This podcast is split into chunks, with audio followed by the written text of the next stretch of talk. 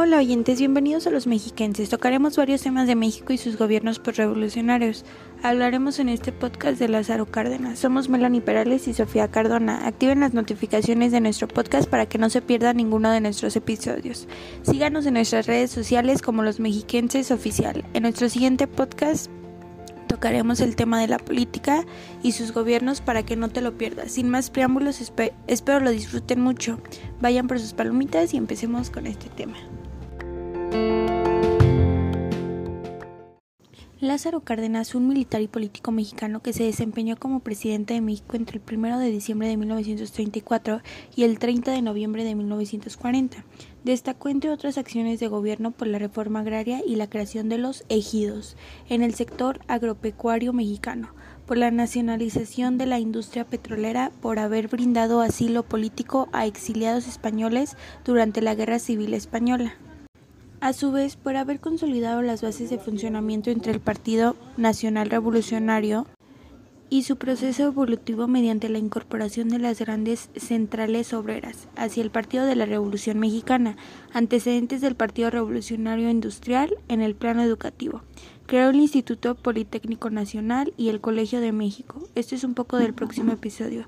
Esto es Los Mexiquenses, soy Melanie Perales y mi compañera Sofía Cardona. Un gusto saludarlos.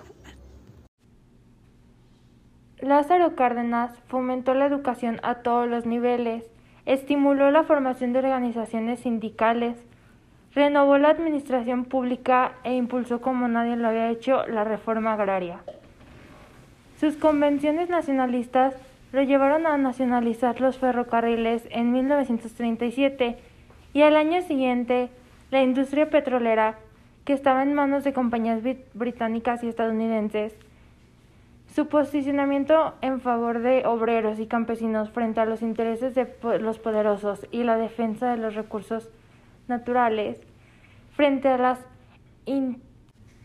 injerencias de las compañías extranjeras le proporcionaron un prestigio y una aureola de honestidad que conservaría tras abandonar la presidencia. Bajo el lema México para los mexicanos, Cárdenas llevó adelante una política de nacionalizaciones especialmente trascendente por lo que respecta al petróleo. Ello lo enfrentó con Estados Unidos y lo obligó a buscar compradores en Alemania. También se ocupó de proteger a la población indígena, impulsó la reforma agraria, combatió el latifundismo, nacionalizó los ferrocarriles y estableció una enseñanza pública laica, gratuita y obligatoria. En definitiva, todo un giro socializante del México postrevolucionario, que hay que situar en el contexto de la, de la depresión económica mundial de los años 30 y el New Deal de Franklin Roosevelt en Estados Unidos. Más polémica fue la implantación de una educación socialista, término que quedó envuelto en la indefinición, pero aparte del problema ideológico la educación se extendió por el país y llegó a sectores y a amplias áreas rurales que nunca habían alcanzado. En seis años se duplicó el número de escuelas. En la lucha contra los fascismos, cuyo auge llevaría a la Segunda Guerra Mundial, fue significativa la acogida que Cárdenas dispensó a los refugiados republicanos españoles que Perdida la guerra civil en 1939, huían del régimen de Franco. Cárdenas, quien al principio de sus mandatos insistió en que no era necesario expulsar a Calles y a sus seguidores. Pasando un tiempo, en abril de 1936, cambió de parecer y el ex jefe Máximo y Morones fueron sustraídos sorpresivamente de sus domicilios y exiliados. La reacción negativa de los empresarios a la política obrera cardenista subrayó la necesidad de poner fin al conflicto entre las agrupaciones obreras y dar un paso al Frente Unido de los Trabajadores. Desechó los temores de que los comunistas pudieran poner al frente a la nueva pirámide, que a su juicio la raíz de la agitación obrera era básicamente el incumplimiento de la justa demanda de las masas trabajadoras. Lombardo Toledano fue elegido secretario general de la CTM. Los estatutos de la Confederación refrendaron el principio de la lucha de clases y la transformación de la sociedad capitalista en socialista. La lucha ideológica sería por el fin de la historia, la sociedad socialista y la abolición de la propiedad privada, de manera redituable. El criterio abrió aún más las puertas del conflicto laboral, las huelgas aumentaron entre los conflictos más espectaculares.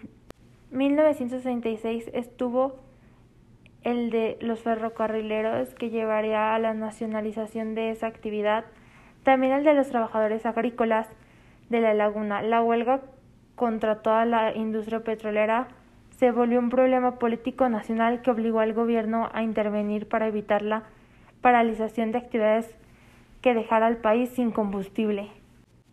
La nacionalización de la industria petrolera, una de las decisiones de mayor peso para el futuro y para la conformación de la nación.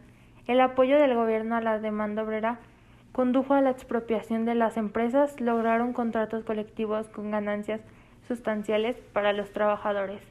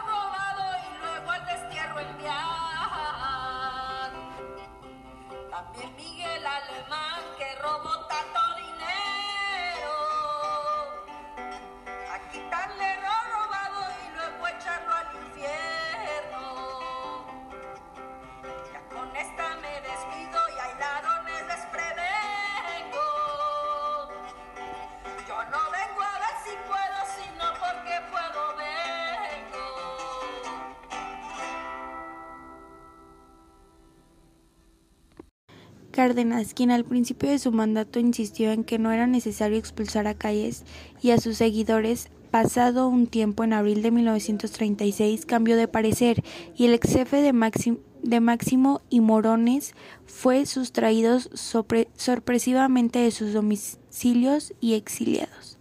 La reacción negativa de los empresarios a la política obrera cardenista subrayó la necesidad de poner fin al conflicto entre las agrupaciones obreras y dar paso a un frente unido de los trabajadores.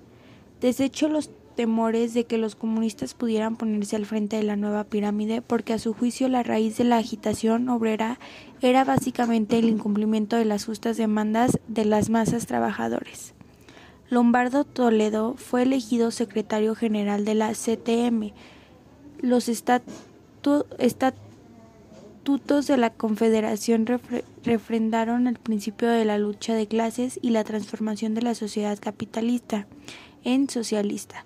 La lucha ideológica sería por el fin de la historia, la sociedad socialista y la abolición de la propiedad privada. Cárdenas había propuesto que los salarios no se fijaran según el péndulo de la oferta y la demanda de trabajo, sino según la capacidad de cada empresa para seguir actuando de manera redituable. El criterio abrió aún más las puertas del conflicto laboral y las huelgas aumentaron. Entre los conflictos más espectaculares de 1936 estuvo el de los ferrocarriles, que llevaría a la nacionalización de esta actividad, también el de los trabajadores agrícolas de la laguna. La huelga contra toda la industria petrolera se volvió un, un problema político nacional que obligó al gobierno a intervenir para que la paralización de actividades dejara al país sin combustible. La nacionalización de la industria petrolera, una de las decisiones de mayor peso para el futuro y para la conformación de la nación. El apoyo de gobierno a las demandas obreras condujo a la expropiación de las empresas y lograron contratos colectivos con ganancias sustentables para los trabajadores. Cárdenas acogió a unos 40.000 exiliados republicanos españoles que debieron salir de su país por la guerra civil entre 1936 y 1939. En 1937, por intercesión de su esposa Amalia Solorzano, quien presidía del Comité de Ayuda a los Niños del Pueblo Español, asilió a 456 menores huérfanos de la guerra civil e hijos de combatientes republicanos que fueron llevados a México. A petición del Comité Iberoamericano de Ayuda al Pueblo Español, y recibieron alojamiento, sustentado y educación de la ciudad de Morelia. Con el pasar de los años, el grupo fue conocido como los Niños de Morelia. Su apoyo a la República Española no se limitó a esto, la defendió en foros internacionales e intentó ayudarla económicamente.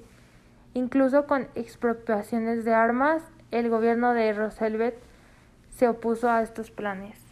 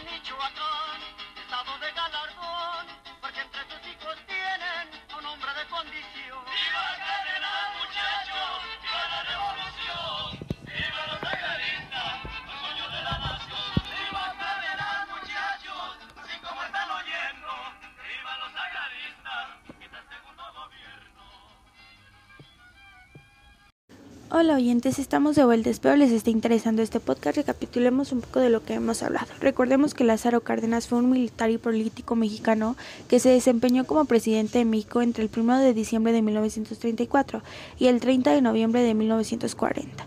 Destacó entre otras acciones de gobierno por la reforma agraria y la creación de los ejidos en el sector agropecuario mexicano por la nacionalización de la industria petrolera, por haber brindado asilo político a exiliados españoles durante la Guerra Civil Española, a su vez por haber consolidado las bases del funcionamiento del Partido Nacional Revolucionario y su proceso evolutivo, mediante la incorporación de las grandes centrales obreras hacia el Partido de la Revolución Mexicana, antecedentes del Partido Revolucionario, Revolucionario Industrial en el plano educativo, creó el Instituto Politécnico Nacional y el Colegio de México. El conflicto entre el gobierno de Cárdenas y las empresas petroleras de nacionalidad extranjera tenían un antiguo linaje. Durante un buen periodo solo debían pagar el impuesto del timbre menos del 1% del valor de la producción. La situación cambió al iniciarse la revolución y percatarse el gobierno por primera vez del gran potencial petrolero del país. Las grandes exportaciones del petróleo fueron vistas como una, como una fuente idónea para cubrir los grandes defectos presupuestales. El párrafo 4 del artículo 27 de la nueva Constitución declaró los depósitos petroleros propiedad de la nación. Al iniciarse los años 30, México ya era un producto marginal, situación que cambió con los descubrimientos de Poza Rica en 1930. La compañía inglesa, el Águila y el gobierno mexicano llegaron a un entendimiento sobre la explotación de Poza Rica. Aceptaba pagar regalías del 15% y el 35% del valor de la producción. El choque definitivo del gobierno y las empresas petroleras se originó por un enfrentamiento de las empresas y sus obreros. Los trabajadores petroleros se encontraban entre los mejores pagados del país. Sin embargo, no había llegado a formar un sindicato único que estableciera las condiciones del trabajo para toda la industria. Crearon el STPRM y se afilió a la CTM. Las empresas rechazaron el monto del aumento pedido. Los expertos nombrados abordaron el tema de que la presencia de las empresas petroleras extranjeras había sido más perjudicial que benéfica para el país. Gran Bretaña rompió relaciones diplomáticas con México y lo amenazó con un bloqueo a gran escala, aunque en un primer momento las cinco corporaciones estadounidenses se desesperaron con la Segunda Guerra Mundial en ciernes.